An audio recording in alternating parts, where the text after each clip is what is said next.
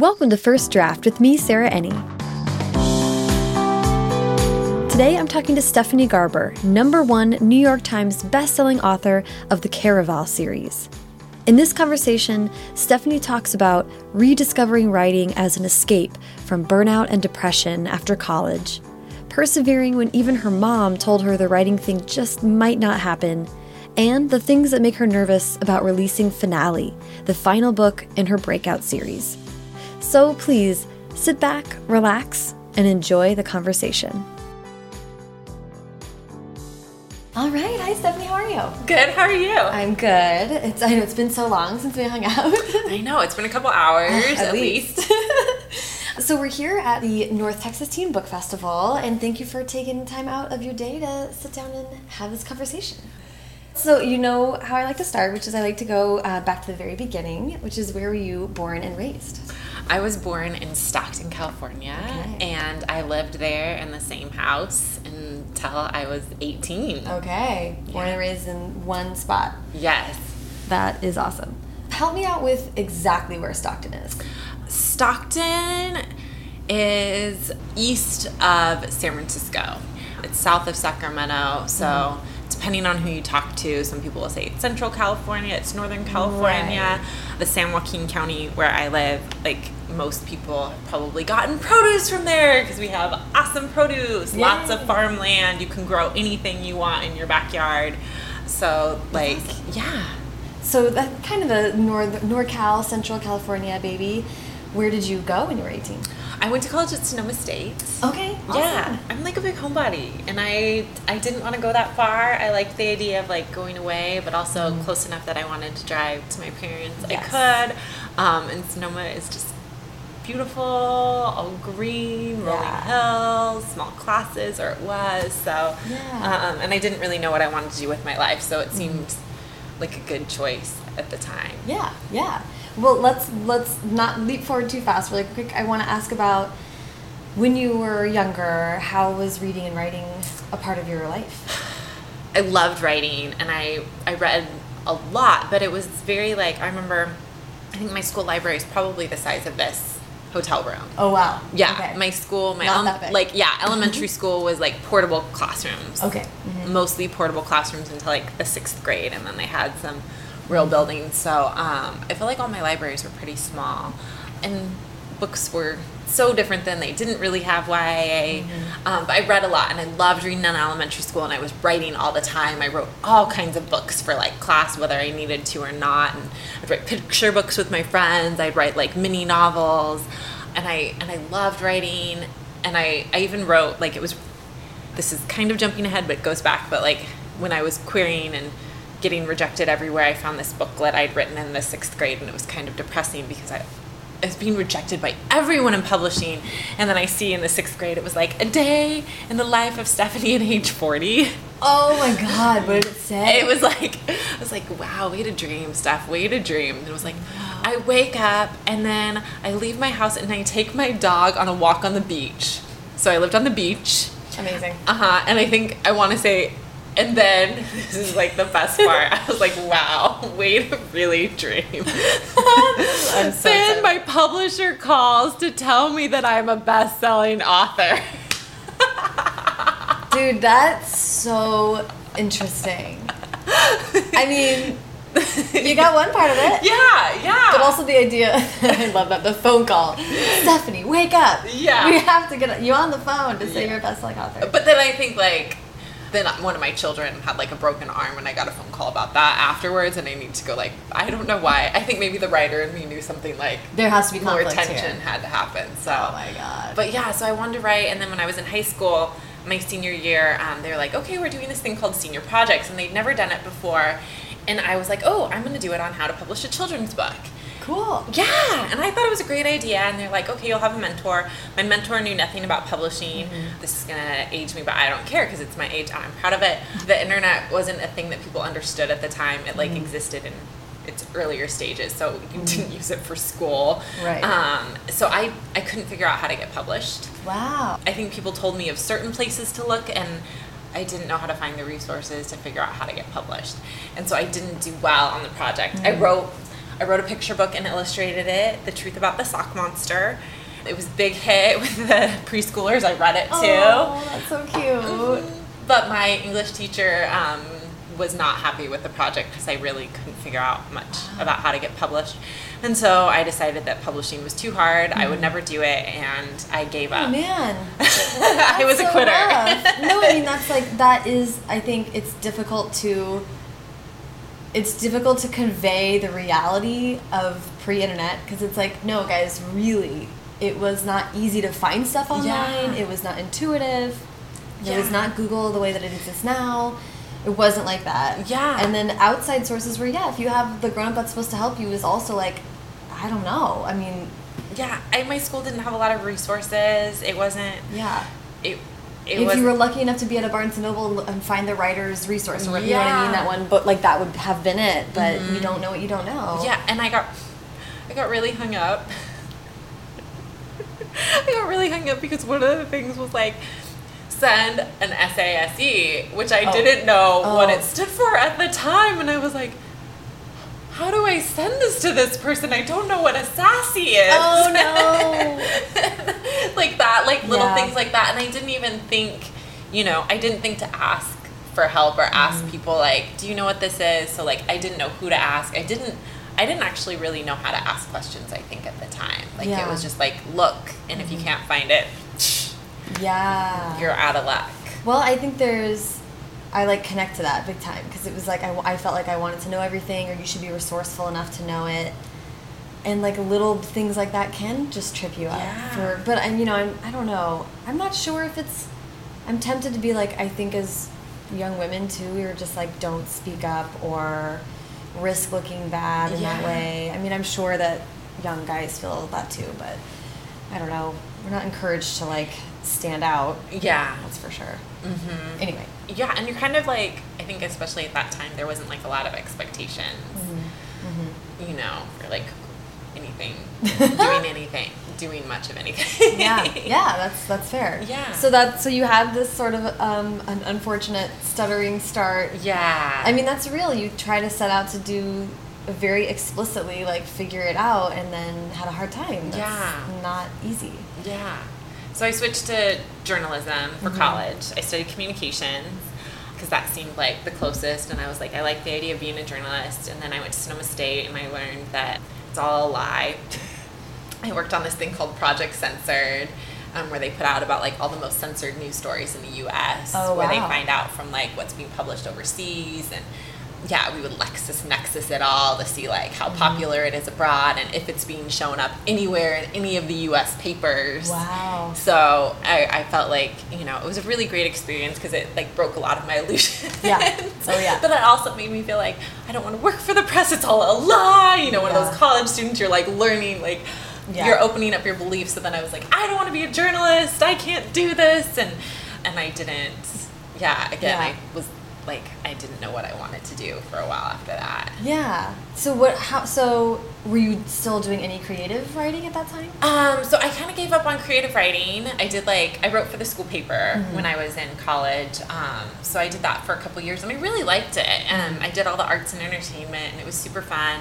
But I think like it wasn't something I could see myself doing as a career.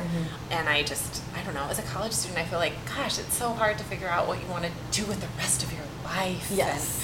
I don't know. So I I took like a totally different route. I remember going to my advisor and I'm like, I I want to be like work in orientation or be an RD. Like I want to work with college students, which is such a weird thing now because I was like, I'm a college student. And I think I just didn't want to leave college. Ah, funny. Interesting. Yeah, and I was like, she's like, there's actually a master's for that, and I was like, really? And the funny thing was, um, the same week my sister sent me. She's like, hey, my school offers this master's that I Oh. think you would like. Whoa. It was the same program that my advisor told me about, and I was like, oh, this is a sign. Yeah. Totally. Yeah, and so um, What's the program? it was a master of higher education and college and student affairs. Okay. Which sounded Cool. made up to me. but it was super it was super fun. It was all the co-curricular. Yeah. So, you know, it, it was a really creative field. So when I worked in it, I worked at a women's resource center, I worked in the office of multi-ethnic programs, I worked in alumni relations, I was an RD, I was an orientation director. I did a lot of event planning, a lot of mm-hmm. programming, but I am actually um, not an extrovert. I am an introvert and it burned me out big time. Yeah, that's a lot of FaceTime with strangers and Yes. at, at really emotional times for them. Yeah. And all that stuff. Yeah, I planned awesome events. My events were super fun and I loved doing it, but um, especially being an RD and like living there, I it kind of shut me down. It was that Mm-hmm. Part was really Did you know, this is interesting to me, did you have a sense of yourself as an introvert or what those boundaries were? I mean, it sounds like you went a little bit overboard and that's how you figured it out. I think like I didn't. I don't think I knew what I was. Like Mm. I think when I was younger, I took tests and I always got an extrovert because I think I wanted to be that. You know, because Mm. Yeah. our world loves an extrovert. Yes. Like it's you know it's so much easier. Like when you or for me, like when I fake being an extrovert, Right, I feel yes. like I do better. You put like- on the mask. Yes. And then I think like for also like I had gone to like a public state school, Mm-hmm. which is a really different than like the small private Christian college that I got a job at. Oh, yeah, okay. And I didn't I didn't understand those differences Mm. at all until I got the job at this school and I was like I'm it was a culture shock for me because Yeah. I was I wasn't I'd never been in a situation like that at all. So I think it was partly the school Mhm. and like I'm not set up for being at a small school where they expect you to have these intimate relationships that I'm like I don't even think this is healthy. Right, you right, know, right, and yes. like so I I think that was part of it. Like Mhm. it drains me too much. Yeah, yeah, and so consistently, and yeah, the idea of being an RD, it's like even your personal space is public in some Yeah, way. yes. There's not a break at all. Yes. That's a lot. Yeah, and the school I worked at, they were like, they literally wanted you to leave your door open to your apartment. That is wild. Yeah, and I just couldn't do it. And the students, like, they didn't. That first year, they did. They did. And people did not like me. Interesting. Wow, that's tough too. Yeah. So when you say bur- there's been like so much discussion about burnout lately, I think is why this is kind of sticking to me. Like, I think we're sort of having to like revisit what that means and how it expresses itself. And um, so I'm interested, like when you say you burned out, like what did that look like? Where, how are you thinking about it? Yeah. So so it looked like a lot of things for me. So like I okay, so I was in counseling and Mhm. I'd done counseling for a long, long time. And I did it over the phone because Oh, my wow. counselor had moved to like Colorado. So we would we would talk on the phone once a week. And I this job was like a lot and it was dual job. So I was resident director and the director of orientation. Wow. Yeah, so they after I left, I think the jobs got split up, and so it was a lot of work and not much personal space. And I was living at a place where I didn't really have any friends outside of where I worked. Mm-hmm. So Was the campus kind of isolated too? Oh, the campus was super Yeah. isolated and super small. It was Yeah. super super small. Like The small campuses are like such a dream for some people, but I also went to a school with an undergrad of 36,000 people. So Yeah. I'm like, no, big, like you can disappear, you can take Yeah. classes with 800 other people. Like, I love that. Yeah, like I think Sonoma was between seven to ten thousand, which was great because it's like smaller classes, but then big enough that you can kind of get Yeah. lost on campus. Like Sometimes know. you, kind of need that. Mhm. Just to be an anonymous person walking on campus, just I'm like, I'm just getting the class. I don't want to see anyone I know. Yeah, exactly. I'm gonna wear a hat and no one will recognize me. Mm-hmm. And so I remember like, and this gets how to like where it goes. And then I was talking to my counselor, just like, I was like getting really depressed, and I've struggled Mm-hmm. off and on like most of my life with depression, and I could feel like Mm. All these things coming back and so i was like you know trying to like not get to places that were really unhealthy or where i mm-hmm. couldn't function. And that's when i started writing again because she suggested it. She was like well what do you like? What do you do? And it's like mm-hmm. you know i tend to have like a lot of energy so it's like i'm really active physically. Like I, mm-hmm. I take pretty good care of myself. I exercise. I do those things but like i needed another outlet. So she suggested writing and that's when i started doing it again. I started writing and i'd also at the same time like started reading again because it mm-hmm. was like I'm out of school. I just have a job. I don't have a job and school for the first time in my life. I was like, wow. so I was reading, and I this was when I discovered young adult fiction, mm-hmm. and um, there wasn't a ton at the time. It was like I was reading Twilight and the Uglies series Yeah. and Wicked Lovely and like mm-hmm. anything I could find, which wasn't a whole lot. 'cause And just the beginning. it was just the beginning, and I was writing, and I was loving the writing and loving the writing, and then, and meanwhile, my job was like burning me out more and more and more. What was the job at the time? It was the same RD job, Oh, and then like during my breaks, like over winter, I would take my students to Amsterdam, and like which was awesome. But my boss is like, you don't really need a day off between these trips with your students and coming back and doing orientation. Oh my God. Um, and I was like, I kind of think I do. It's like, no, you're fine, do it. And and I just like the stress was starting to like physically, like emotionally, I was feeling like really depressed, mm-hmm. and I wasn't able to like do certain parts of my job that like I could investing in students. Like there mm-hmm. were some of those requirements I had to pull back on, and then my health was starting to fall apart. Um, whereas like. I, I remember my diet st- I had I was starting to like take things out of it because I didn't know it was making me sick but Oh. like I remember by the time I ended up quitting that job, like I just wasn't di- like none of my food was digesting, wow. and so mm-hmm. I left the job and um, I told my parents I'm like, hey, I'm quitting my job. Can I like come move in with you guys while I look for another job?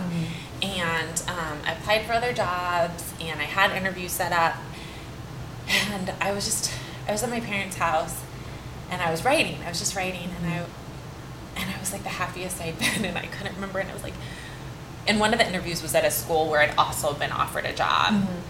And I loved this school and it was um, actually for an office that I'd worked in before that I loved, that I thought would be a great fit. But I was just like, if I turn this job interview down, could I like stay with you guys for like six months and maybe just write? Because I thought I also secretly thought, hey, if I write a book within six months, I can sell it. Like, Right, right, I right. thought publishing worked fast and right. whatever. But I also just needed that break. Mm-hmm. I was just like, I, I kind of wanted a break, and my parents were thrilled for me to just take it because I think they could see Yeah. The toll it was taking on me emotionally and Mm-hmm. physically and it was also the kind of thing where um, like after once i did take that break i i was kind of like traumatized and like the idea of going back to work which Mm. was super funny because it was i think i was 29 and i'd been working for 13 years Yeah. you know always had a job and suddenly i was like afraid Interesting. i was afraid because i had just had such a bad experience like i had just taken Yes. everything i had I totally get that. And then you have this sense it's such a thing for creative people, right? Like I think there's another part of like not only was the job like not the right fit and, and stretching you in ways that were uncomfortable, but like and obviously your body was telling you like I can't do this anymore. But then when you're not creating in like the way you're meant to, you know, that that builds up. Yes, yes. I really think, and I was creating in other ways. Like I didn't realize until I, like, really started writing. Like how much I've always had this need to create. Where Mhm. it's like when I had that job, I I crocheted like Mhm. obsessively. Like all my students, I made them hats or scarves. Like I was always crocheting Funny. and I crocheted a lot in college and I used to bake a lot and Mhm. like I felt like this need to literally create something Yeah. you know and like but i didn't realize i think at the time that it was actually not just some, a desire but a need like you know Yeah. fish yeah. need to swim Fish need to swim. i need to create things I love that. So so and you find YA and you're kind of feeling energized by it. I'd love to hear just from from the counselor saying like maybe consider creative writing to all of this like how did you get brave enough to start the first thing? Or what was the idea that came? Like how did that unfold? Yeah so it was when i first started writing it was just for me. Mm-hmm. you know i was still couldn't i had knew nothing about how to get published. I'd already tried to look it up in high school so didn't at first i wasn't i that was not occurring to me. I Mhm. just i basically wanted to write the book i wanted to read because it was like i was there wasn't that much YA fantasy at the mm-hmm. time you know i think they Yeah. were just starting to get more paranormal mm-hmm. but it like it wasn't all published so it was Yeah. hard to find those books and for a while there was so much paranormal and then futuristic dystopian Yeah. which is not fantasy yeah but was like dominating everything Yeah, but this was even before that. Like it oh, was Okay. like at first like Yeah. when I was there, like it wasn't there wasn't as mm-hmm. It was when I think YA was still like with middle grade in the bookstores, you know. And so I was like, okay. And it was like my first my first book that I wrote was of course a portal fantasy that I called an urban fantasy, even though it was not in an urban setting at all. I didn't know what I was so funny. doing. Yeah. And it had like every single like cliche ever. um, I didn't know anything about writing. This is how much I didn't know anything about writing.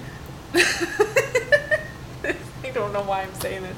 I had I had a list of adverbs that I would like pick from because Oh I, I really didn't know how to write. That's amazing. Mhm. But I had so much fun. Yeah. I had so much fun writing it. I loved this book. It was so much fun. It was like these sisters, and um, one finds a magic book, and when she reads it, it's like so addictive. Like she can't put it down, but it's killing her. And then it would switch to the perspective of the person in the book in this fantasy land world. Like it was called the Kingdom of Dusk Till Dawn, because like the kingdoms were broken up by time of day. Like there's Amazing. the kingdom of eternal sun and the kingdom of endless night, and they were dusk till dawn.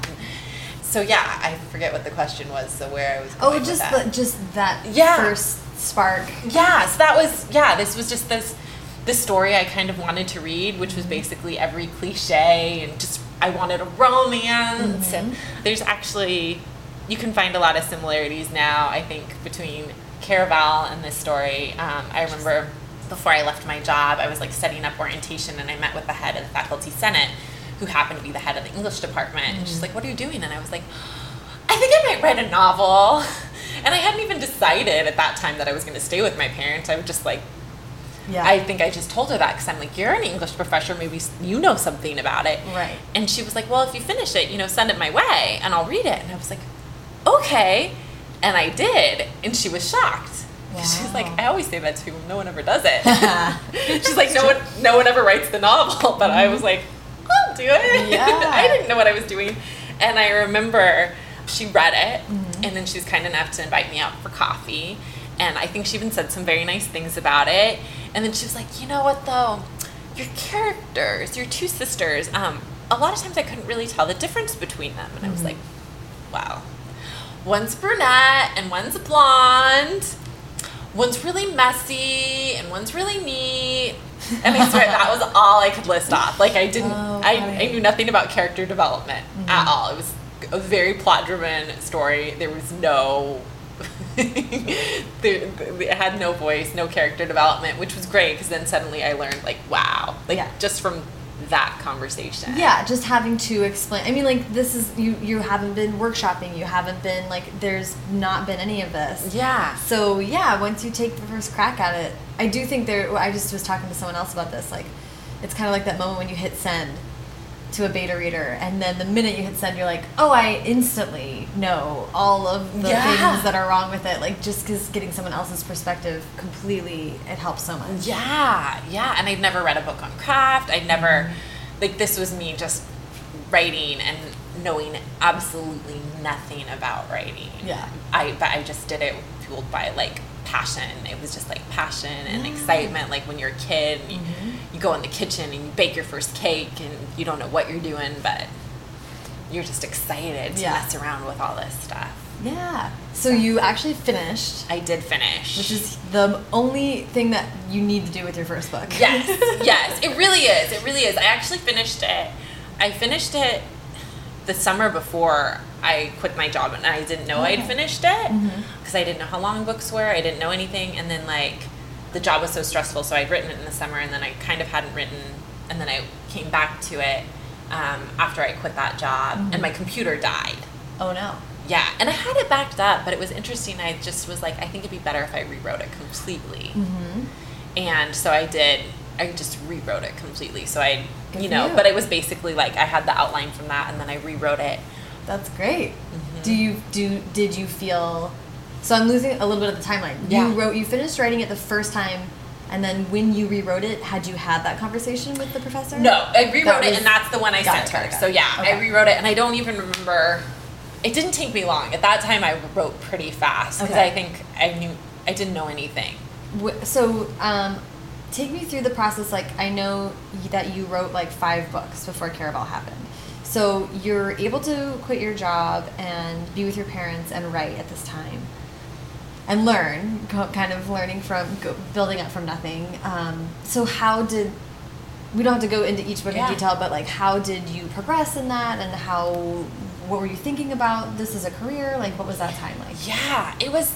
Well, I think like I didn't know what I was getting into, and my Mhm. parents didn't either. So when they're like, "Yeah," I was just like, "I'll write this," and and I and someone told me, I think the woman who took my place. I Oh. forgot about this. I completely forgot about this. The woman who took my place at my job, her mother was a published author Oh. and she wrote nonfiction, like it like issuey kinds of Mhm. nonfiction. Um, but she was like, you know, I can set you up on a phone call with her, and her mom was the one who told me I needed to get an agent Mhm. and told me, you know, just the the basic things that you need to know about Yes. if you're going to go into publishing.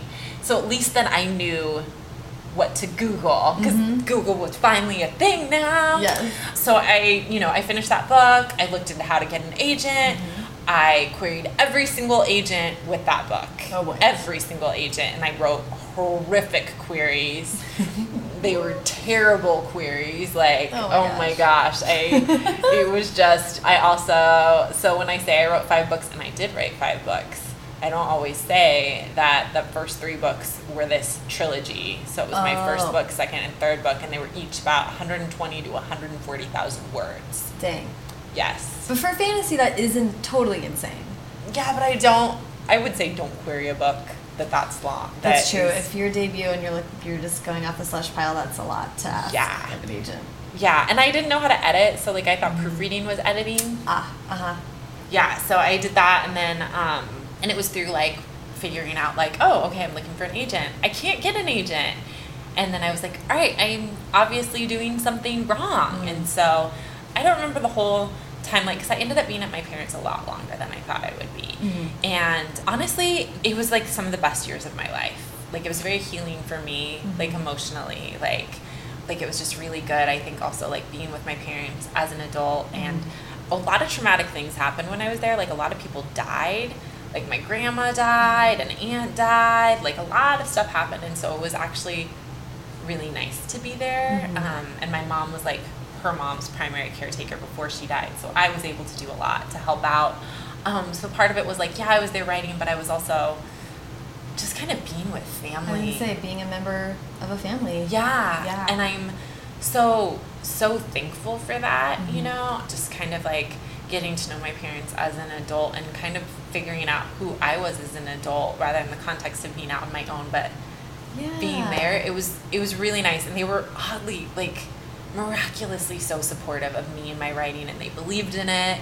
They really, really, really believed in it. And so I also ended up getting a job, that English professor Yeah. who was kind enough to read it ended up after a couple years i think um, after a couple years of writing we kept in touch and she offered me a job as an adjunct to teach creative writing classes That's so awesome. yeah it was and by this time i learned more because i discovered Yeah. scbwi which was how i met a ton of friends and i went to the big sur children's writers workshop So good. did you ever go to that No, but I I mean Big Sur and Yeah. writing like yeah.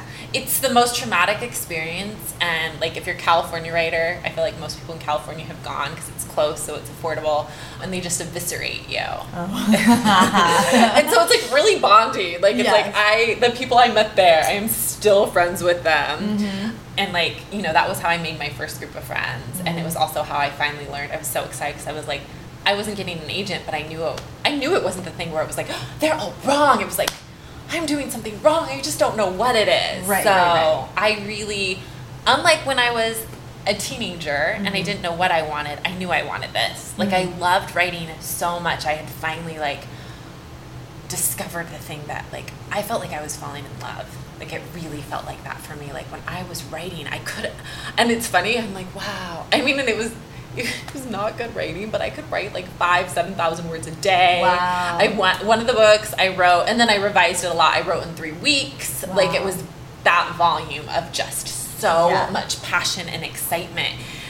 And so that's why I was like, I'm willing to learn to do whatever it takes. I need mm-hmm. to learn how to do this. Yeah. So I, you know, I was learning everything I could about writing and writing and helping out at home, and then I ended up getting an adjunct position. That's so cool. Yeah, which was really awesome because I learned I was not qualified for that job. Bless Portia for giving it to me. but also I think that your work with students and just I mean a lot of creative writing is just like being willing to read people's stuff and encouraging Yeah. them.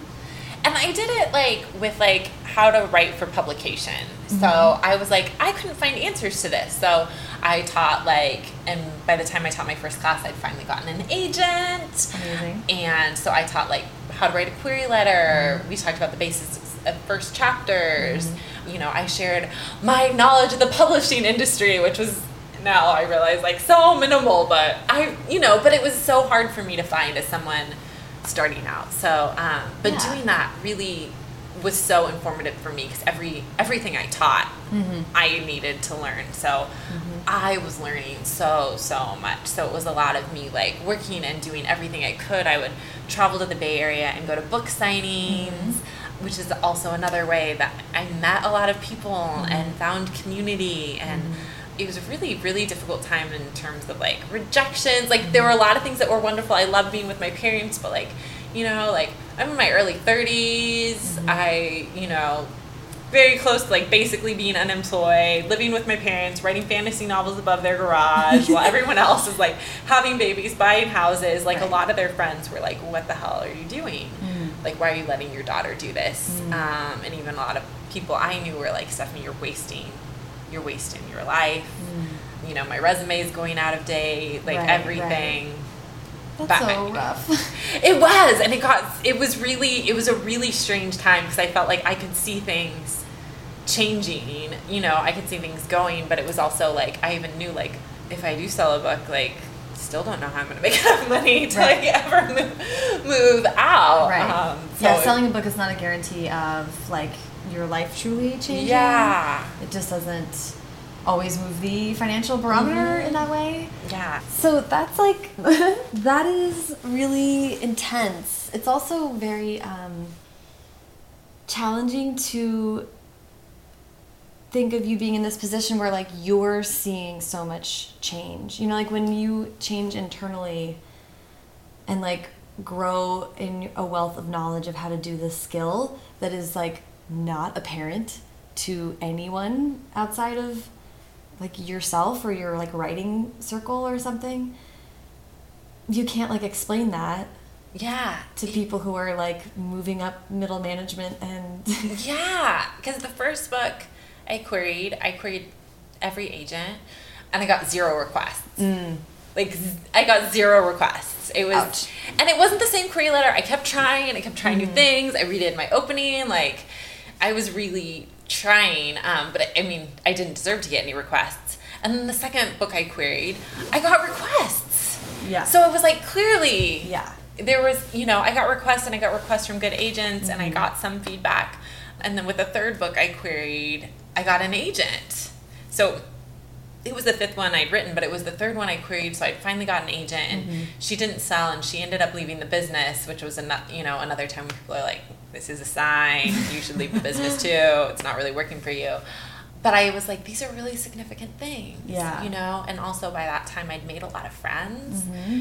and I love I'm, I love my friends and I didn't want to like I was like if I leave this world it's not like they're going to stop being friends with me but it's like you know like Right. you have this big connection because of writing because of storytelling Yeah. because of books I also I like you know the saying like I hadn't come this far just to get this far. Like I felt like it was that 90% mark Mm-hmm. you know? I knew like I knew with like I think the book that I finally got an agent with like I didn't know at the time but now looking back I'm like I feel like that book was good enough. Mm.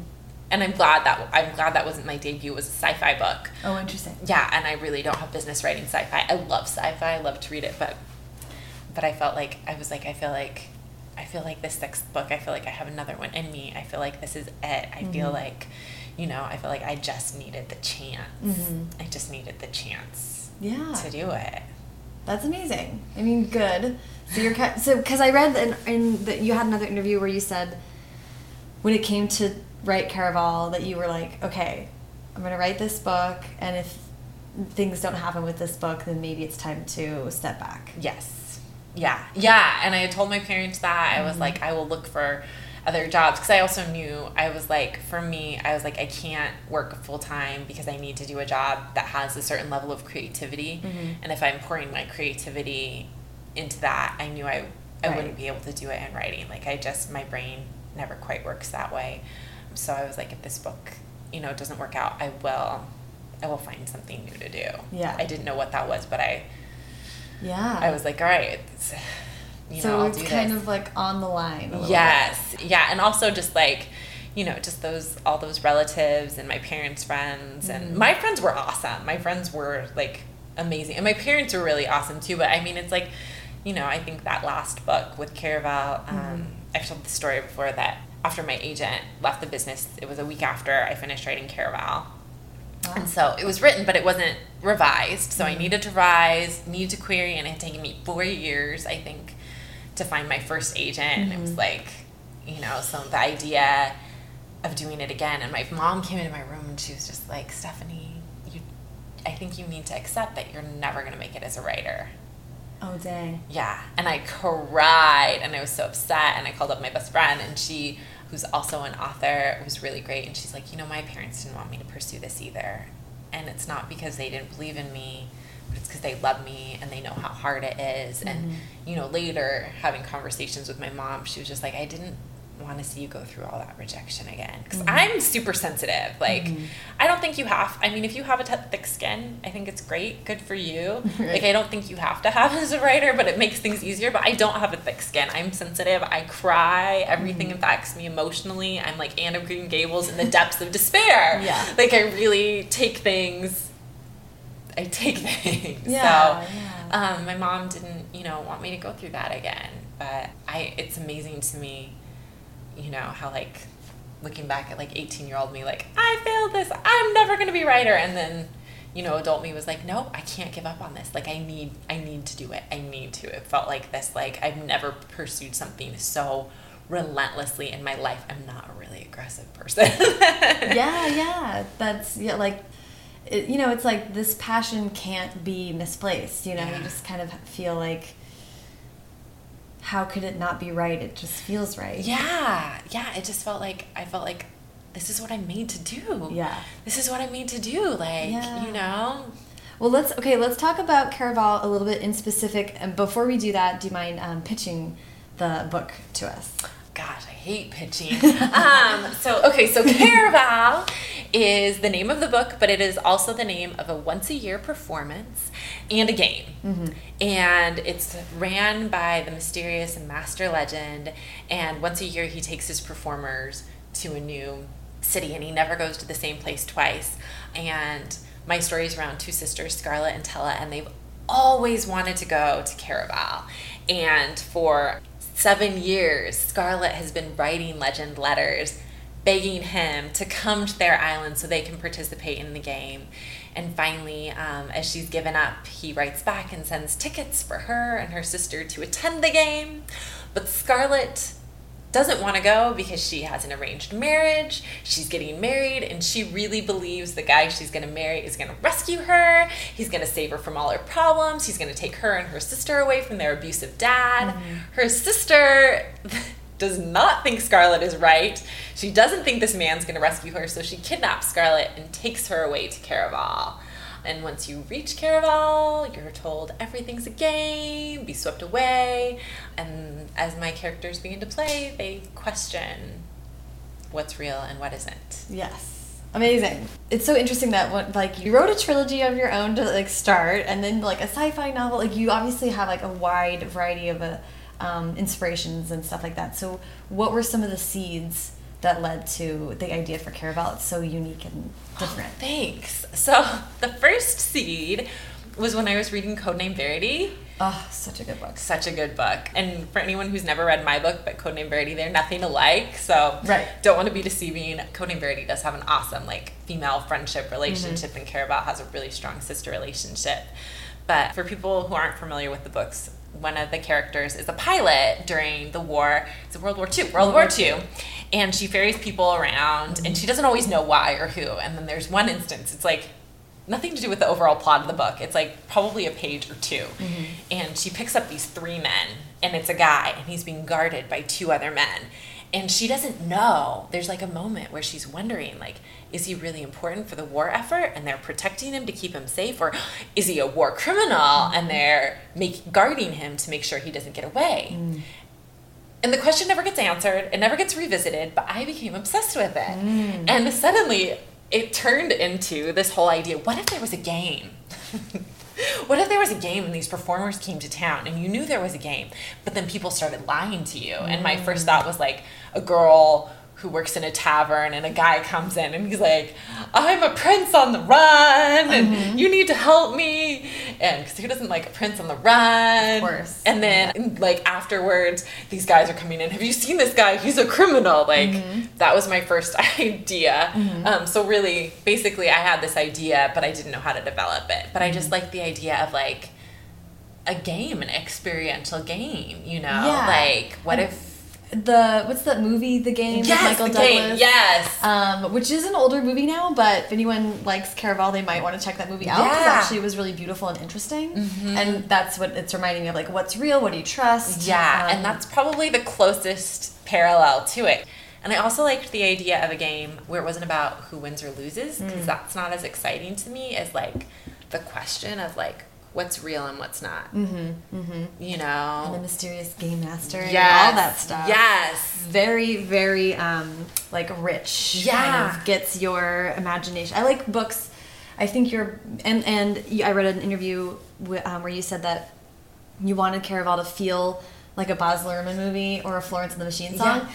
And I, of course, like I have listened and watched those things. So, I, but I also know what you mean when you say that, like the really rich, like atmospheric, the kind of movies and songs that just get that part of your imagination like whirring like Yeah. crazy. Yeah. So the reader or the watcher or the listener, their own mind is like sparking. It's not just passive entertainment. Yeah. It like kind of asks you to engage and think about what's possible and.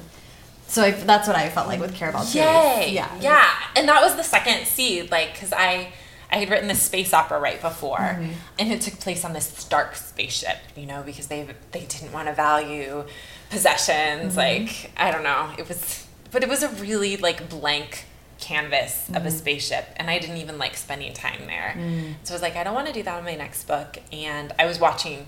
Great Gatsby, Baz Luhrmann's, and it was that scene, you know, the one that it's all the gift gifs with Leo Mm-hmm. Yeah. and the champagne coupe, and the fireworks are going off, and everyone has a different costumes. And I really had a moment, and I was just like, I want to write a book that feels like this. Mm-hmm. I just want it to be bright and a little obnoxious and over the top, Yeah. and like, you know. So if anyone ever tells me like, oh, this is too over the top, I'm like, that's exactly Yeah. what I was going for. So yeah, that was that was the second seed that came into play. I love that. And that that is like it is funny his movies. Some people, some filmmakers like Tarantino has a way of being violent to a point where you're like, "Oh, he knows what he's doing." Like Yeah. the vi- this is the point that it's too violent. Like Yeah.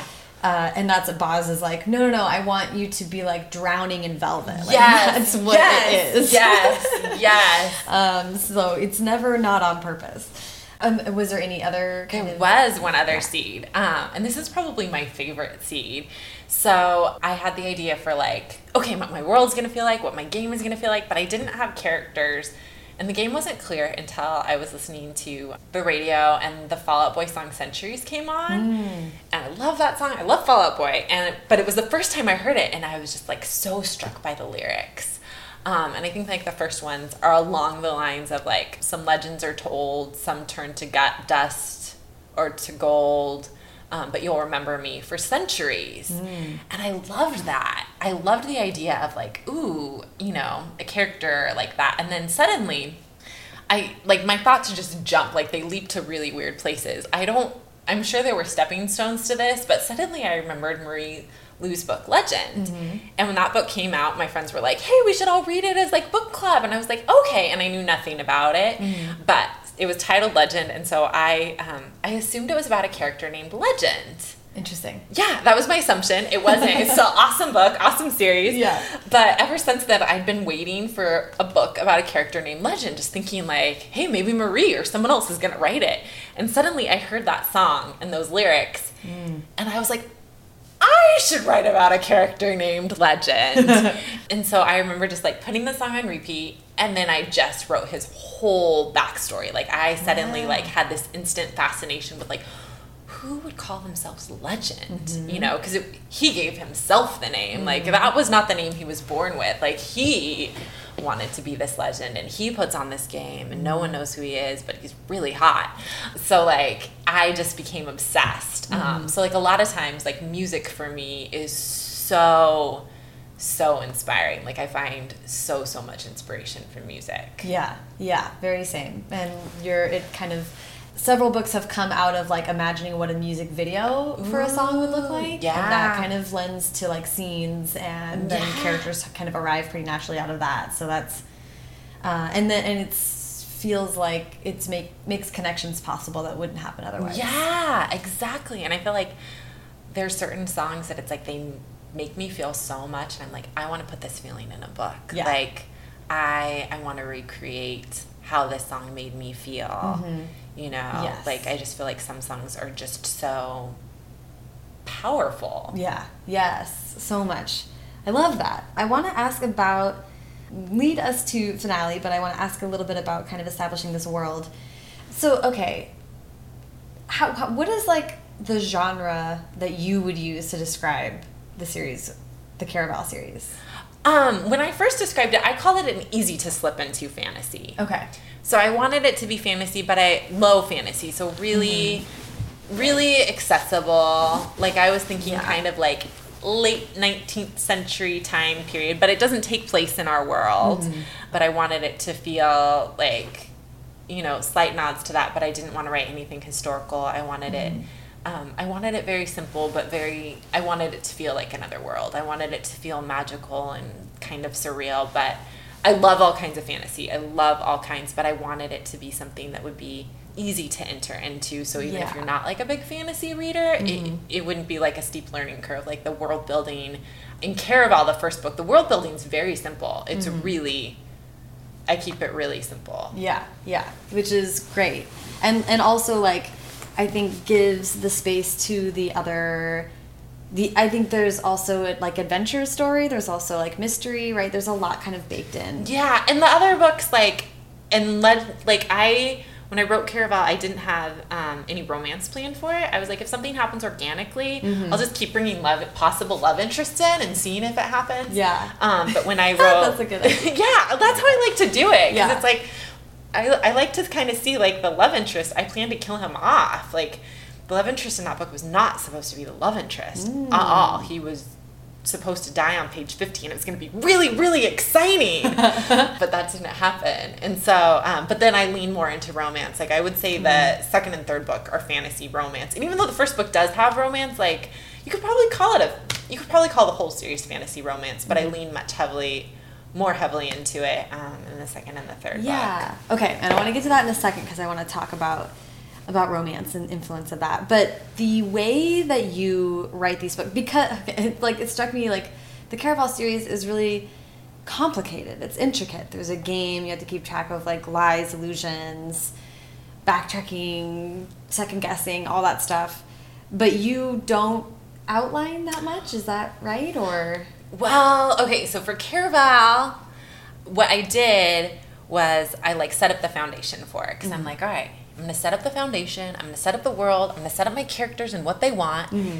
then see what happens. But I also kind of had like possible routes mapped out. Mm-hmm. So I didn't map out the story, but I kind of laid tracks. Mm-hmm. Um, and so for the f- first two thirds of the book, I was just like, I don't know what's real and what's game. Like I really, Ooh, really didn't. I was just like, I want to figure it out. Like, and I, you know, and I never outlined at this point, so I didn't know how to do it. So I was just like, but I also knew like I had to have some idea of what could be real and what could mm. be a game in order to do it. So for certain characters, I wrote out multiple backstories. Like, mm-hmm. this is this character. This is like what the truth is if this character is telling the truth. Mm. This is like what the truth is. You know, if like everything is and if everything is a game. This is like you know what the truth is. And this is like what the truth is if it's like this character's lying. And this is if it's like a mixture of both. And so i mapped out multiple possibilities. And i mapped out multiple backstories for certain characters and mm-hmm. multiple motivations. Mm-hmm. And so I kind of had an idea of the different ways the book could end. Yeah. but I didn't let myself decide until it got to a point where it was like, no, I actually need to decide because this character, certain characters would make different choices at this point. Right. You know, depending on which one. So I was like, and I think for me it's better because I have a hard time committing to choices. So I, I didn't outline the book, but I outlined the possibilities for the book. I I love that. I think that's a really cool, um, especially like in the context of people listening. Like that's a, such a great exercise. Like um, I totally get why people feel locked in by an outline and like Yeah. looking at bullet points is like the opposite of a creative life, right? Like, or Yeah. like that's hard. Yeah. I love spreadsheets, but not everyone needs to love Yeah. Um, but but the idea that you are just writing out like this, like what, uh, just a writing exercise like this doesn't even have to hold. You know, this is just about how does it feel to think that this Yeah. would be real, or Yeah. and like thinking of all the possibilities, so that way you know when you're making a decision. I think it's so smart to, and I think about this in other aspects of life too. It's like, like you have to be able to defend. Like I think we were talking about this last Yes. Mm-hmm. night. Like you want to know why you're making the decision. You don't just want to say like, oh, uh, I mean, we were talking about earlier in the first book, right? Like the two characters. Well, these are their differences. Yeah. like, you want to be able to know how they're different, how they're the same, and why, and how that's going to feed into the story. So creating backstories, doing paths forward. That's such a smarter way to go about it. And I think it also sets up better for when you get feedback so that you can tell the difference between like what you're doing if it's just not working as like this was a bad idea, you you shouldn't have done that or like you're not executing it properly. Because I feel mm-hmm. like whenever I get edits like that's the question I'm always asking myself like some things it's just like yeah that was a bad idea I should cut the whole scene. Or some mm-hmm. things it's like no this this is a good idea i just haven't done it properly and i need to do a better job in order to convince my editor that this is worth keeping. Yes. and i think you have to like the defending your work that's where you know it comes in because then you can know the difference between like oh i did it the way i wanted it's just nobody likes that. Yeah and honing that like uh, creative thinking and problem solving skill and, and your intuition right? Like if, when you as an author want to be like no i'm not taking that note because this and that and i can say that confidently Like, yes. then you can move forward with revisions in a way that really is going to be healthy for Yeah. the book um, and you won't be like blindsided by what yeah, happens Yeah, yeah, and I feel like, you know, and I had that for Caraval. My second book, I didn't quite know what I wanted to accomplish during the first couple drafts of it, so it was, which I think was hard for other people to give me feedback, and hard for me to take feedback because I just kind of took it all. I didn't know Mm. Right. what parts to defend, but for Caraval, I really knew when it was like, okay, I'm not doing this right, Right. and I need to do a better job. Well, let's and let's lead to the writing the sequel, Legendary, because first of all, how long did it take you to get Caraval into the state you wanted it to be in for sub? Yeah. So Caraval, Caraval things, I feel like things were really quick with Caraval. Like I had the idea for a long time. I had it for like a year and a half Mm-hmm. Okay. before I could figure out how to write it. So I wasn't actually working on it. It was You just were like me. backstory or just thinking? It was just me trying to collect those seeds. Mm-hmm. You know, so me having the moment with Florence and Baz and then Fall Out Boy and then finally it was like in the summer of I think 2014 Mm-hmm. I wrote like dozens of different opening chapters. Interesting. hmm And if you look in the paperback, you can find like one of my early drafts, the opening chapters, where my main character, Larkin, um, doesn't have a sister. She has a bunch of brothers. Interesting. And Legend wasn't even named Legend. funny. Wow. Yeah, I really, but I couldn't get past that opening chapter. Maybe I got to the second, I couldn't get past. So I kept trying to write all these openings and I couldn't get past until I realized, like, oh, it needs to be a story about sisters. And so hmm. once I got that opening figured out, because I had, like, I think I narrowed it down to multiple ones and I talked to my critique partner. I'm like, it could be a girl and her best friend, or mm-hmm. girl and her brother, girl and her sister. And she's like, Steph, you and your sister are so close. And, like, you light up when you talk about the sisters it's obviously a sister story. So she was pointing out what I didn't realize, and I think that was in like October, um, and I wrote it in three months. Mm-hmm. Wow, So okay. once I, but it took me like probably three months just to figure out those opening two chapters, Mm-hmm. um, and I wrote it in three months. I finished it on New Year's Eve. A week later, my agent left the business Oh, yeah. Right. my friends who are all awesome and they knew like this is my last shot they all read it like right away like Wow. my critique partner Stacey Lee I think read it overnight my other friends were not maybe as quick, but they both other people I re- sent it to read it within like less than a week. That's amazing. Yeah, so they read it really quick, gave me feedback. So I, you know, my agent was like, "All right, within the next month, I'm going to wrap everything up." Mm-hmm. So I knew I could query beginning of February. So I worked hard on revising it, and then um, my critique partner was also like, "Hey, you know, there was um, this woman, and she used to work for my agent, and now she's opening freelance editing service. You might want to have her look at like the beginning of your book." And you know, different people have different opinions of paying freelance editors, and I think, like for me, it was. I wanted to have her look at the first 50 pages and her rates were really inexpensive, but it felt like a lot of money to me. It was like Yeah. 50 bucks, I think, or maybe it was like $100. Um, but that was a whole, whole lot of money for me, Right. adjunct, no money. So I say it with like mixed things. I'm not being like, you need to go do it. But I felt for me, Right. Mm-hmm. because I opened the book with these letters, and my main character starts out as like, I think nine or something. Mm-hmm. And then I also have like a dream sequence in chapter five that's like, um, very info dumpy, but I loved it, and I was just like, how I wanted to do it right. I'm like, I know I can make these things work. So I hired someone to look at it um, just to get that extra. Um, I paid for a critique for SCBWI, which um, the editor told me the book wasn't going to sell. Um, I know. Wow. Yeah. And so I got into shape and then I queried in February. And I had met like my friend, like by then I had friends who had agents and they sent me, like my friends Right. were awesome and they sent recommendations. And so agents, like, I got a lot of requests. Um, one of these agents who I'd met at a conference was like, I'm really enjoying it. I'm really loving it. You know, what else?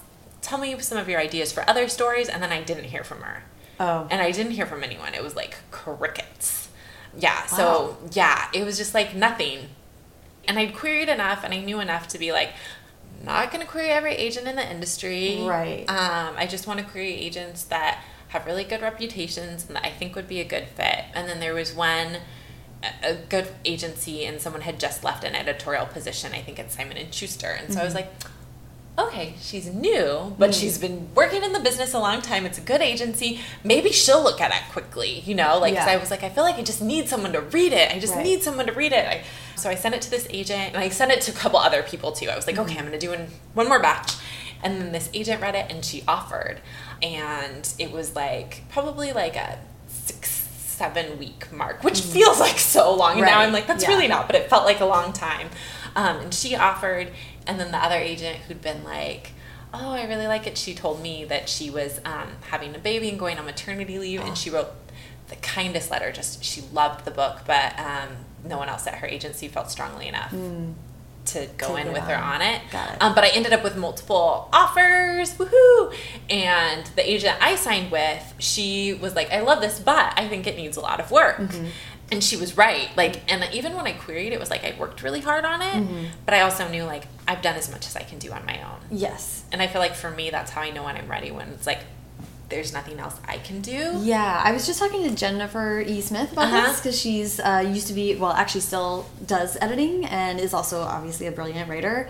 And she was saying that when, in her capacity as an editor, she really loves when a book comes to her after the writer is like, cannot do anymore. Yeah. She's like, don't bring me on early because I also have a limited ability to, you know, like I can Yeah. also only read it so many times, but like truly go until you sort of are like, if I touch this again, I'll only make it worse. Yeah, exactly, exactly. And it wasn't the type of thing where I was like, this is the best thing ever. It was just like, this is the best I can make it. Yeah. And I've tried as much as I can, but I was also like, I, I want someone who can help me make it better. And so I signed with my agent, and I think we worked, um, we worked two months on it, but it was like two intense months. So she gave me an edit letter.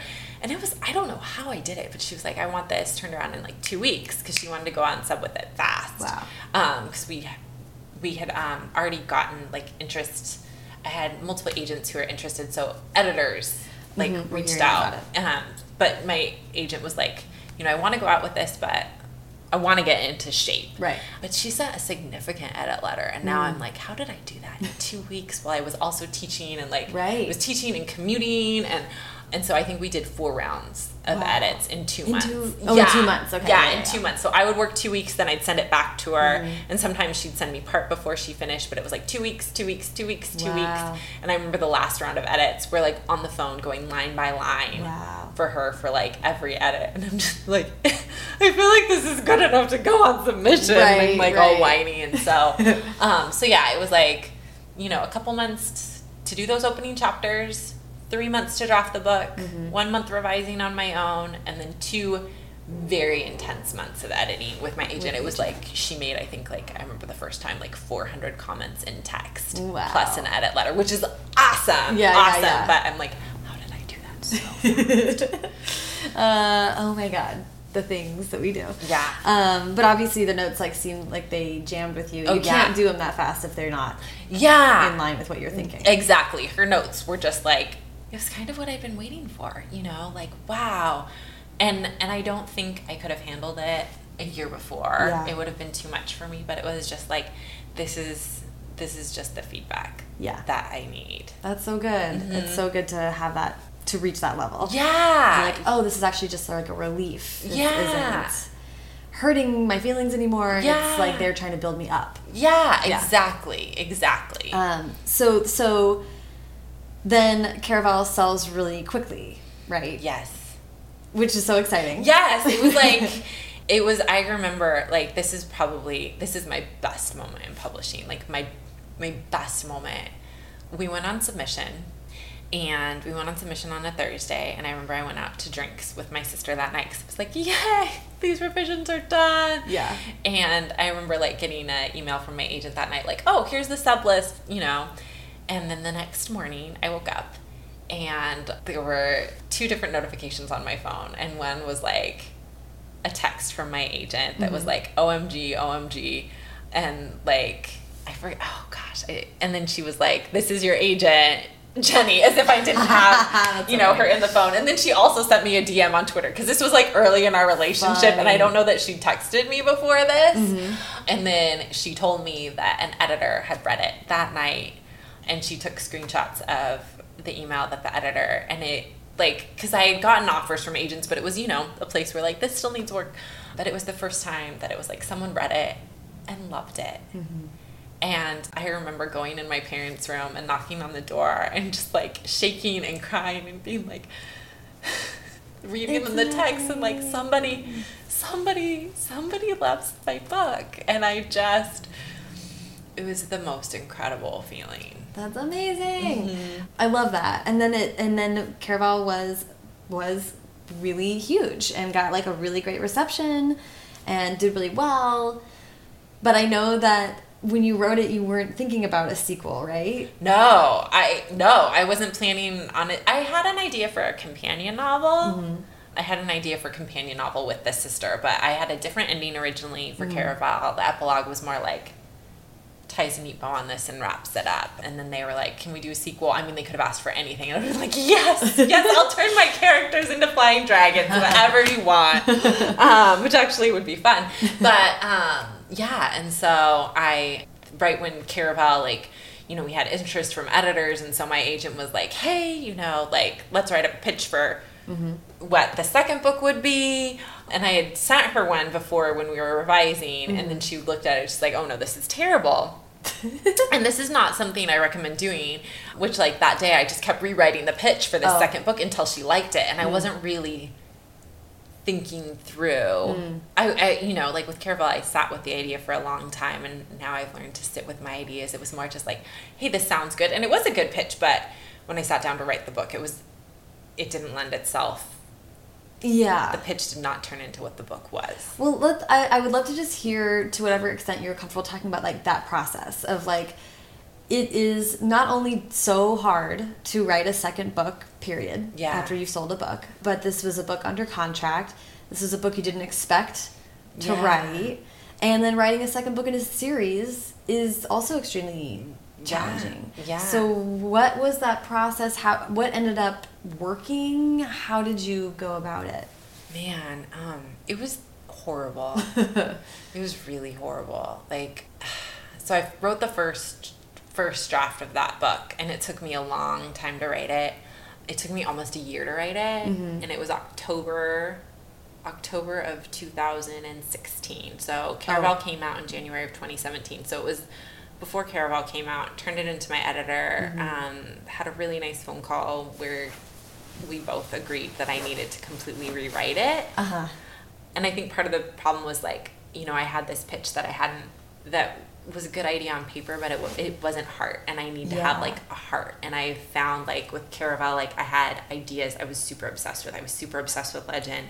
I really wanted to live in this world that was like Baz and Florence, and I mm-hmm. really was obsessed with this idea of the game. Mm-hmm. And for the sequel, I knew I wanted it to be a quest for Legend's identity, mm-hmm. but that wasn't enough for me. Yeah. it wasn't enough for me um, and it was also a challenge because i wrote it from tella's perspective who's the sister who a lot of people i love her. I think she is awesome. A lot of people don't like her. A lot of people uh, like periodically tag me in things where they're like i hate tella and i'm like that's really sad that you hate this girl Yeah. for whatever reasons but i also knew like in the first book she is a difficult character like mm-hmm. i wanted to purposely make a younger sister i didn't want her to be a prim i love mm-hmm. prim i love the hunger games but i was like I kind of love the idea of sibling relationships where you love each other, but it's like messy. Yeah. And you're when you're te- when you're teenagers, like I was not my best self. yeah.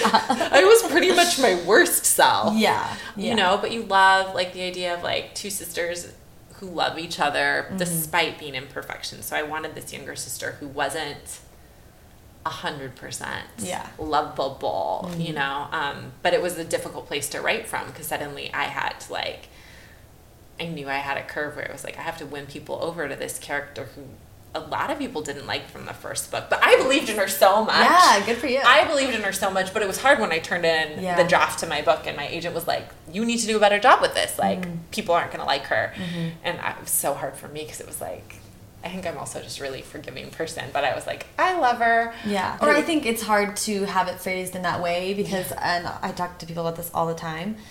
Um, I people think they want to love a character. You actually just want an interesting character. Yes, and that is my whole thing. Like my my thing is like when I'm reading books, when I'm writing, I like to be surprised. I like things that are interesting. I like people that are interesting. Yeah. It doesn't have to be all the things. No, you just have to know who they are and why Yeah. and what they want. Exactly. And that's why we like. I think this is why we love villains so much. Is Mm-hmm. that like their motivations are often like pretty darn clear. yeah. and then when they're just their weird villain selves we're like well I, we get it and then Yeah. they can just be interesting Yeah, because Um, they're willing to do whatever it takes. Yeah. Whereas sometimes our characters are make the obvious choice. Yeah. you know. Yeah. So, yeah. So I rewrote.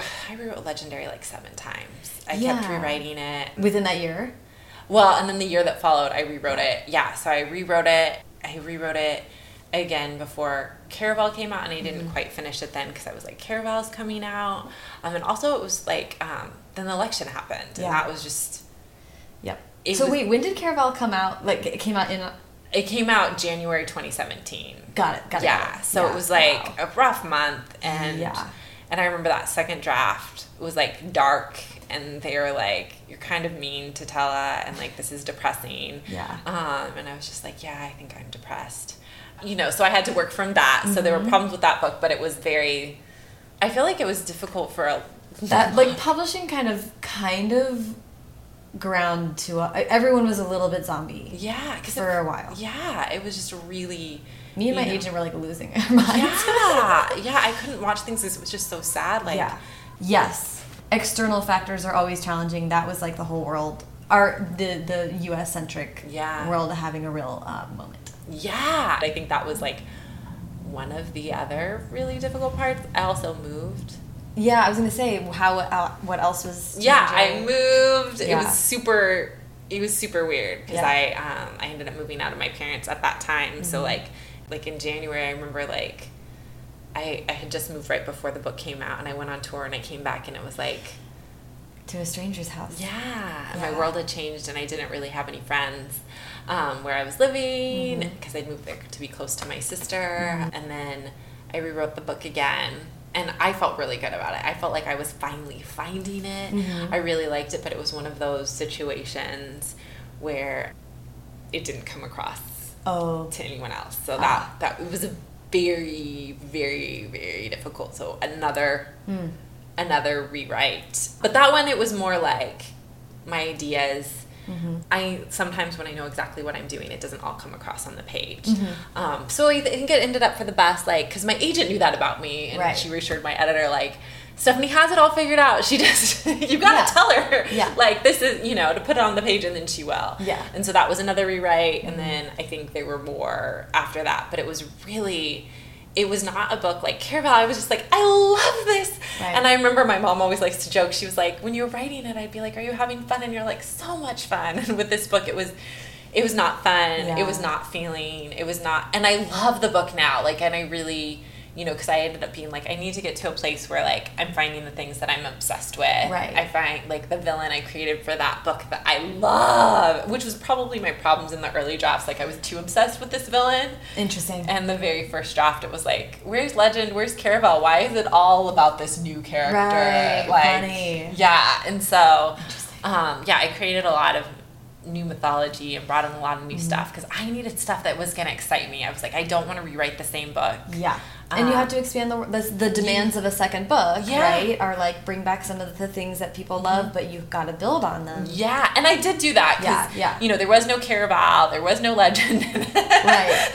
Even though it was supposed to be a search for Legend's identity, um, my agent and I were like, ah, you need to bring that in. Right. And I was like, I don't know how to bring it in. but then I was like, they're right. Yeah. I could see them being right. So it was a, it was work, and I'm really and it and it was the first time Mhm. that I was thankful for those years of rejection because had it I not had to work so hard to get published, Mm-hmm. I don't think I would have been able to work so hard to make this book work. Yeah. Um, but I was like, okay, I can do this. Yeah.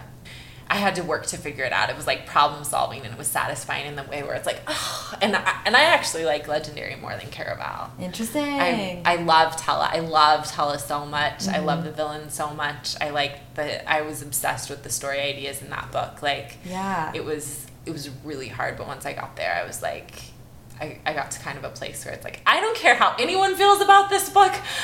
I feel really good about this Yeah. book. Like I I Yeah. did, you know, it took me a while to figure out what I wanted to do and I wish and I learned from that like I need to spend more time up front yeah.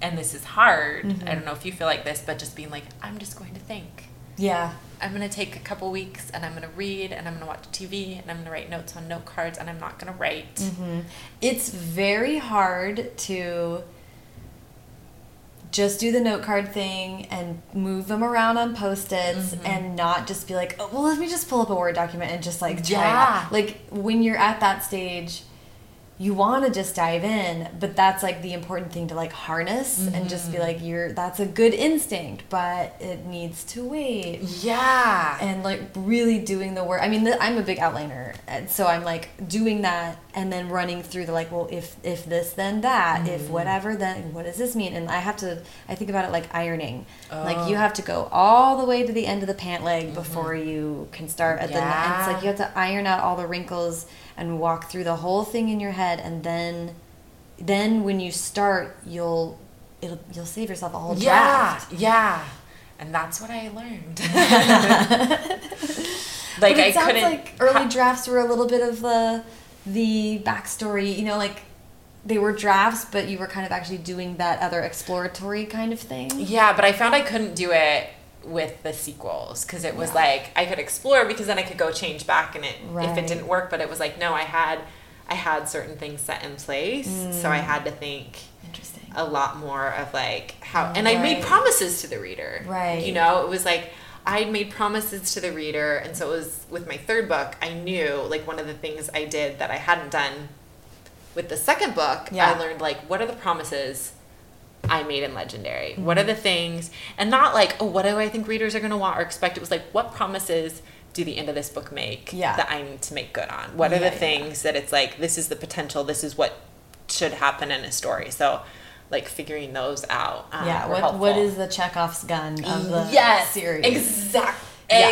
Exactly, exactly, and I I didn't know to do that because I'd never had to do that before. So you know, like, and now it's like, oh, that actually makes it so much easier when you know these are the things I have to do. Right. Um, because it's like those are usually exciting things. Yes, total. Oh my god, yes, big set pieces. Yeah. But so so let's let's talk about that because you so then they asked you to do a sequel. So they asked you for Legendary, and then how did finale come about? Was it naturally to do three? It was actually so um, before Caraval came out, they offered to buy a third book, which was Okay. really awesome and Yeah. exciting. And they were like, could, you know, whatever her third book is. And I didn't actually know that that's kind of a dangerous contract to enter into. Right. Yeah. And then as I was writing Legendary, and we hadn't determined it, but so it would have to be okay. I was kind of like, mm-hmm. there needs to be a third book mm-hmm. because the arcs, like the one of the characters, like mm-hmm. this arc can't can't be completed in this book. Like it has to end a certain way. Um, one of the struggles I had with the book were some of my characters, and I met with a psychologist to talk through. Ooh, interesting. Yeah, to talk through my characters. Oh, wow, that's so cool. Mm-hmm. That. Yeah, and so I was like, you know, this character, and so we went through like, I was like, how do I make this character change? And they're like, this type of person doesn't change. I'm like, if they were to change, if they were to change, you know. So when I got to the end of Legendary, and it was really interesting. Um, the end also had like seven alternate different endings. Like, yeah, there were so many different endings. Oh my gosh. And my editor wanted a happier one, Mm-hmm. wanted a different ending, and it's not totally unhappy. It's, but she wanted a happier ending, and I was like, I can't do it. It's not earned. Like it wouldn't. This Mm. Yeah. is not earned. Like it wraps up the book. Like I feel like the book's wrapped up. It's just like not a good ending for a series. Like I feel like I feel great about that ending for this book. Yeah. because it was what needed to happen. But I was like, any other ending would feel unearned and it would feel false. So that was kind of why Mm. I knew, and I didn't have an idea for the overall plot. I just knew for this character, like there needed to be more A to the story. And I mean, it could have ended at the second book. Like some people, readers were really nice. Like this could be the ending. You know, not everyone was like that, but you know, Yeah, yeah, someone was yeah. like, "You're a really generous person." Bless you. But yeah, I that was kind of how it came about because I knew there needed to be a third book and the second book got so much the world got so much bigger so it just seemed really natural but a lot of it Mm-hmm. Yeah. was really like this character arc Mm-hmm. needs Yeah. needs another book Interesting. So then, so how then did, after like very hard process with Legendary, how did you ready yourself and approach finale? yeah so i remember i finished legendary again new year's eve Funny. yeah and That's like a special day. I know, I know. It was a special day. And I was like, okay, I'm taking January and I'm not going to write. And, but I'm just going to figure out, I'm going to brainstorm and figure it out. So I, I outlined and the way I did my outlining, so this is, I don't think I'm a good traditional outliner. Like I've tried, I have tried to do the save the cat. I've tried to Oh, do the yeah. like, you know, um, like seven act, nine act structure. Um, it just doesn't work for me I find like working the points happen more organically with Mm-hmm. like the darkest moment and whatnot. So what I did was I wrote down all the promises for this book and then I wrote down super fun ideas that got me excited. Mm-hmm. Yeah. I was like, I need this idea and there's one idea in this book. There's one thing that happens and like, oh, this whole it is a subplot and it is my favorite. I love it. I love it so so much. And I was like, I need to write this. This is awesome. This is so great. I love this idea. Um, and so like I did that, you know, and I tried to get only ideas that I was like super super excited about. Like I I believe like in drafting, like yeah, you're gonna you might have those scenes that you're not excited about, but for me with the finished book, it's like I have to be excited about every Yeah. scene. Like I don't want any scenes that are just like here to get from A to B. Like Yeah, not just uh, transition scenes. Yeah. I think that's the benefit I have found in outlining too. Is also once I have it all out, I'm like, I am a plot based thinker, but I but I need to push myself so hard to like stretch and have bigger Yeah. stakes and stuff like that. So I'll look at the outline and be like, that's not a low enough low. Like Um, what else can yeah. go wrong? Like how could this be be complicated more? And what could I do to raise the stakes so that we care more when things go wrong? Like I have to lay it all out so that I can then retrofit it Yeah. and build it that way a few times. Yeah, yeah, and, And I then yeah, add in like you're like, but what if then what if the scene took place somewhere that I think is so exciting, and then I get involved in the setting or whatever they're doing. Mm-hmm. Yeah, because sometimes you can write a scene, and if you're just writing, it can feel like it's working. But if you put it on the little index card and try to yeah. outline it as an actual thing, you can see like in two sentences, like you're like, Oh. this doesn't really sound exciting. Yeah, or like the, we kind of already achieved this. Yes. Like that's a redundant scene. Mm-hmm, mm-hmm. And also, like I do, um, when I did it, I took all the points and then I put them on colored index cards. So each, like, um, finale is from two points of view. So it's both sisters' points of view. But then I had like each of the subplots different Colors. colors so you could see when this villain enters and when this character enters and when it's for this romance Yeah. so i had all the colors and i could see where it's like whoa there's only a couple for these colors like i Yeah. Like this person fell away for a hundred yeah pages. or- exactly Yeah. so like one of the sisters it was just like i was just kind of like she's not i'm really not thinking about her and so it really helps me navigate like okay what is she doing like not what's happening to her like what is she doing what are Mm-hmm. The actions she is taking Mhm. you know in all this space where her cards aren't showing up Yeah, yeah. Oh, that's so it's so helpful. yeah It just makes you know what's in every room in the house of the yeah book or whatever. yeah Even if they don't ever show up in the draft. Yeah, and it it just helps you know where you're going. I needed to do a lot of revising for this book, Mm-hmm. but the like structure, this the overall story arc, and the concepts in it and the theme stayed That's the huge. same. Yeah. Yeah, that makes rewriting a lot. Yeah. then you can focus on words Mhm. and the beautiful stuff that we love so Yeah. much. It's nice to see that like the lessons you learn can be like directly applied. Yeah, the next time. exactly. Yeah, it was really, it helped me learn a lot. Good, good. So how was? I mean, you're getting ready to launch the book, so you're getting ready to also like close this chapter, which is really wild. How are you feeling about it? I, I don't know. I go back and forth. I really, I get really, really, really terrified and unreasonably nervous. What Like- What is it that makes you nervous? arcs make me nervous like they Mm-hmm. just came out and i think i feel really i feel really grateful for my readers and especially like okay a lot of the people who are getting arcs are people who got arcs of caraval Mhm. and have stuck with the series Yeah, they're, like, know obsessed. Yeah and they're like the readers who it's like i'm familiar you know because Mm-hmm. you guys are online and you guys are and it's like i want you to love this book Mhm. as much as I, I love it. It's Mhm. like, you know, um, I, I was saying the other day in my stories, I was like, with Caraval, I just wanted people to buy it. I didn't care if they read it. I was just like, buy it so I can write more books. Right. Like, just do it. And then Legendary, I was just so glad that, that I survived. Yeah. I was just kind of like, I love this book. I'm alive. I don't really it. care.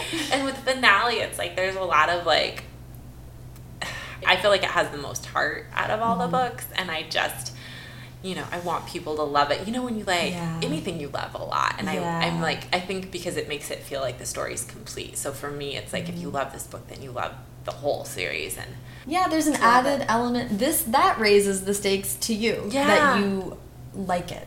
yeah, Honestly. yeah, exact, exactly, because it's like I really. I do care, and I, I, I do care. I care what Yeah. people think. Like, Yeah. and I think it's so fun to share the things you love Mm-hmm. and you know just like I love Disneyland and if I bring someone to Disneyland I want them to love it so Right. how much do I want like people to love this book I've created and I also feel like Yeah. As a reader like I'm a super big reader Mm-hmm. I I know how important series endings are to me so I feel like I want to get it right for that reason too. Yeah. Well, let's let's talk. So I don't. I'm and like um, apologies to listeners. I'm not going to ask you about. I. It's so spoiler friendly that like we just have to talk about it later. Yeah. I don't want to spoil anything about finale or what else happens in it, um, unless there's anything else about the book that you want to share or because I want to ask about what your plans are for future books you want to write. Oh man I have plans I actually don't know what they are yet. Like I'm working. I have. I realized with my experience from Legendary that I'm like, okay, I'm not going to write my agent a pitch in a day and sell that book. Um, I don't actually think I could at the moment, but even if I could, it wouldn't Yeah. be a good idea. So I've been playing with ideas for a while and reading, just like I said, like really binge reading the series. It, the series is Series. series Yeah. series um, for a while just to kind of like look at them and really see like what I like, what I don't Yeah. like, what I want to do, what I want to emulate. And so I'm I've been working on like what I want to pitch next. Yeah. Um, Filling the well. yeah. Yeah. That's and so cool. Yeah, but I don't know what it is. I mean, maybe by the time this airs, like I'll have sold another series, or maybe I'll still be playing with my index cards on my carpet. well, either way, uh, uh, I'm super excited. and I can't wait to, to see what you decide to do next. I am going to wrap up by asking for advice. I just, you know, you've you've already given like so much amazing advice, but I, I would just love to hear what you would say to maybe to other writers who are also like pretty sensitive. Like, do you have any advice that you'd give to that kind of a, an aspiring writer? That's a good question. I think having that friend who you can be really honest with like mine is like Stacey Lee. She's an author who writes amazing historical fiction, and she's the person who I can be really, really honest with. And usually, when I'm really honest with her about how I'm feeling, my feelings are so ridiculous. Like I, I definitely believe the worst things mm. are going to happen. Mm-hmm. Like, and I know it's ridiculous, and I know it's not true, but it's not until I say them out loud, mm-hmm. and then and and she's always great at like validating my feelings, but then also letting me know, know like it's not gonna happen. Yeah, but like I don't know. I think having those, I think community is so, so so so important. Yeah. Um, I mean, I just like you don't want to do it alone. Like I feel like having those friends and being honest and letting yourself feel those things like um, and knowing how to protect yourself. Like I do a lot of things to protect myself. Mm-hmm. I do you mind sharing what because this is I like literally super practical advice. Even yeah, that is so great. Yeah, just I mean I remember my sister telling me before I got published about this guy. Like I think I don't remember who the guy was. I don't think I knew who he was. She's like, yeah, there's a lot of controversial opinions about him, but he never reads them about himself. So mm-hmm. he doesn't know, and he always feels good. And she's like, don't don't read this stuff. And so I don't read reviews on Amazon. I mm-hmm. never go on Goodreads. Mm-hmm. Um, if somebody if somebody posts a review on like tags me on Twitter and it's like I read and reviewed this book, I don't look at it. Like if you don't unless you say I loved this, mm-hmm. even if you did, I'm not going to look cuz sometimes people who like I've I've read reviews cuz sometimes like on Instagram I I like to thank people when they've taken the time to take a picture or do mm-hmm. something, but it's like I also don't want to do it if they're like taking a pretty picture and being like, "This is the worst book I've ever read." Yeah, which is so weird that it happens. Yeah, it, it is. Yeah, it's super weird, you know. But it's like sometimes it'll be like, "I love this book," but then they only say negative things about yeah. it. So I'm okay now with reading those things on Instagram because I feel like I know the main complaints people have about my books, and I can deal with them. And I'm like, right now, it's worth it for me to like be able to thank the people who tag me in things. Yeah, like I want to do it when I can, but when I'm not feeling emotionally good, when it's, you know, and especially probably at this time when finale's first coming out and mm-hmm. I'll get mm-hmm. tagged in a lot of stuff, I probably won't look at anything mm-hmm. because I know I need to protect myself from yeah. seeing those things because it is so, so much mm-hmm. um, that it's like, yeah, maybe, like I can't. I can't I can't take it all in. So I think not looking at that stuff, training yourself not to look, just kind mm-hmm. of um, knowing you've done the best mm-hmm and um, just really protecting yourself from that and knowing what else the other things that are like negative for you you mm. know i think as an author like i i never tell anyone like i will tell people because i find inst- i love instagram mm. i really mm-hmm. like being on there so i'll tell authors to do it i'll never tell an author to get on twitter because i don't find that it's good for my mental health mm-hmm. um, i think it can be really negative mm-hmm. so I think there are certain things you need to do, like social media, but there are also like, I think knowing like how to take care of yourself. And so I feel like, you know, especially like with my other experience, like I, I go to the gym every day. Mm-hmm. Like, and sometimes I'm like, this feels like a luxury because it's like I go there for an hour. I, I have a lot of excess energy and I like, I like to be active, but it's like, I'm there, I'm reading, this makes me feel good. It's my natural antidepressant because mm-hmm. I'm working out, endorphins. So it's like, and even on the days where I don't want to do it, I don't want to leave my house, I do it. So mm-hmm. I make sure to do these things yeah. that I know are healthy for me. So yeah. I I feel like, you know, like I'm always probably going to be sensitive and I like that about myself. Mm-hmm. Like I think we need sensitive people in the world, but it's also like knowing how to protect myself and not doing the things that are going to hurt me. You know, like if I'm in a strong like place sometimes like yeah. every once in a while, like I remember, oh, this is like kind of a tangent, but I remember when I was on tour for Legendary, I got a really like I do have Google alerts for my books that mm-hmm. come up cuz usually those are more like significant things and I like yeah. to see when it's mentioned somewhere significantly and I got a review in this newspaper. And it was just so mean and scathing, but it was like almost comical how like mean it was and how angry it was. And and, and my publicist was sitting next to me on the train when I got it and she was like stop reading. And I'm like but for whatever reason it just struck me as so sometimes stuff like that it, you're like oh this is so obviously about you. Yeah like the person who wrote the review. Yeah. Like this is not nothing to do with me or my book. This person just had a lot of feelings. Yeah. And directed it. Yeah, it's just way. not the kind of book. Like it's a little too over the top for you. It's a little right. too much romance for you. It's a little this. It's like it's not for you. And so, but yeah, um, I don't I don't know why. Reading that made me feel better because I was like, this isn't this person doesn't like my book because it's not the right book. Right for this person. Exactly. Like, you know. They were like there's nothing I could have done. Yeah. To make this book more of the book for them. Like exactly. it just Exactly. Yeah. Like and I mean there are certain things I read and I'm like, yeah, I I get that. I can see why you would say that. Like right. that is a valid point. But um that's so but yeah, so yeah, I just so I think I really I do I try to protect myself and sometimes it just means like not just not doing certain things like yeah. um and i this was another this was a lesson that i learned too from like my days of student life we're just like doing your best doesn't mean doing it all like sometimes your best is stopping before it's all done mm. i think even this last year it, it's hard for me um, like i recently said like i, I was gonna go to a festival mm-hmm.